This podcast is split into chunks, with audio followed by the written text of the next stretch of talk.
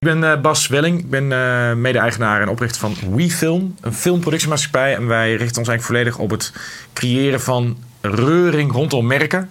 Dusdanig bijzondere films maken dat we die niet op hoeven te dringen, maar zo bijzonder zijn dat mensen daar zelf naar op zoek gaan, daarover schrijven en dat met elkaar delen. Ja, wij zijn drie jaar bezig. Werken nu onder andere voor Heineken, voor Coca-Cola, voor Red Bull, voor KPN.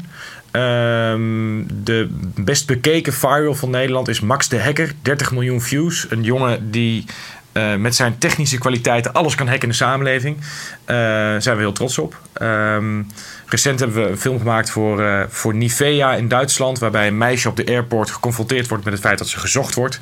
7 miljoen views in twee weken. En momenteel um, hebben we een campagne voor Heineken Live. Waarin we mensen overal ter wereld droppen. Dus dat is een beetje de gemene delen van wat we maken. Ik denk dat een van de belangrijkste dingen is dat we de kijker centraal stellen en niet langer het merk.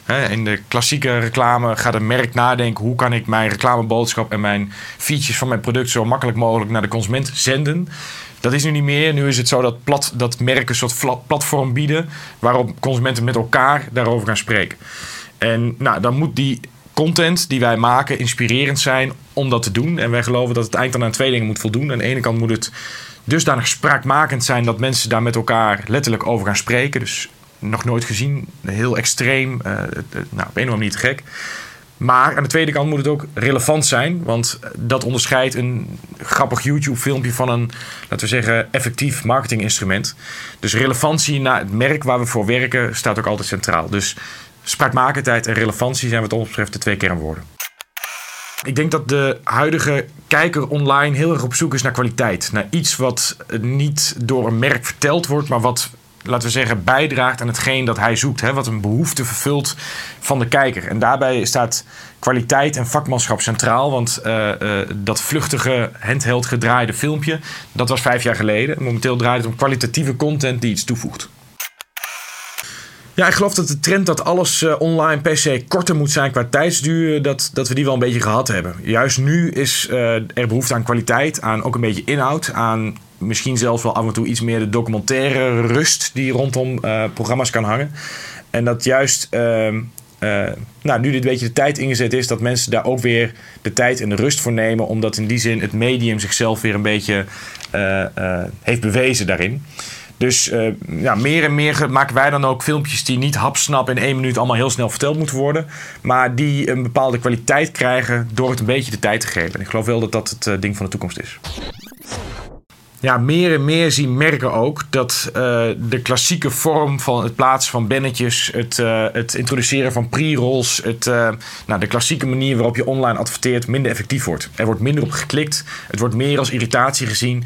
En de manier om die reclame te pushen wordt minder effectief. Dus al die merken zijn ook op zoek naar manieren om online echt engagement te brengen. En wij geloven dat die content daarbij centraal staat en dat je, nou, dat je bijzondere dingen moet brengen als merk die, uh, uh, uh, die tot de verbeelding spreken.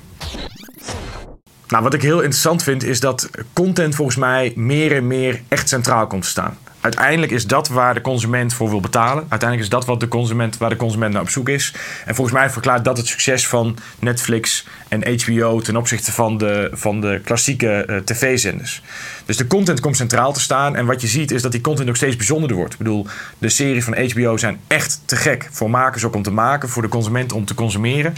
Uh, dus daar, uh, daar ligt de toekomst. Niet langer in de snelgemaakte, goedkope uh, hapsnap televisie. Maar in de kwalitatieve content waar, waar, waar energie in gestoken is, waar geld aan besteed is en waar mensen ook behoefte aan hebben. Ja, ik geloof dus dat, dat de kijker steeds meer op het moment dat hij het wil, de, con de content wil consumeren waarvoor hij voor kiest. En uh, dat is natuurlijk op zichzelf een, een pre van on-demand, waarin jij dat op jouw moment bepaalt. Uh, ik geloof dat live eindelijk alleen een toevoeging heeft als het ook echt inhoudelijk gezien een toevoeging heeft. En dat live op zichzelf nooit, uh, uh, nooit een toegevoegde waarde is, maar alleen als de content daarom vraagt. Dus als second screen en je live interactie echt een meerwaarde heeft, dan heeft het een toevoeging. Dan is het een toevoeging. Als een voetbalwedstrijd je niet live bekijkt, dan is het eigenlijk niet spannend meer. Maar alleen bij dat soort situaties waarin live karakter echt een meerwaarde heeft, zal het een meerwaarde behouden.